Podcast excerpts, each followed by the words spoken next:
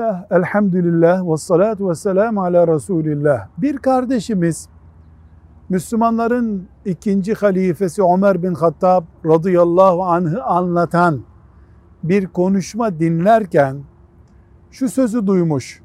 Onun isteği üzerine ayetler indi. Bu söz doğru mudur diyor. Hayır bu söz doğru olmaz. Kur'an ayetleri bir insanın isteği üzerine inmez. Evet, Kur'an-ı Kerim'den bazı ayetler Ömer bin Hattab radıyallahu anh'ın bir konuşması, bir konumu ile bağlantılı olarak indi ama Ömer istediği için değil.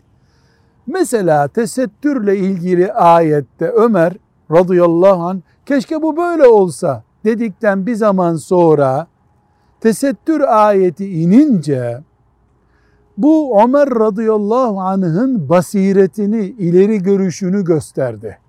Yoksa rica etti, ayet indi şeklinde anlaşılması yanlış. Velhamdülillahi Rabbil Alemin.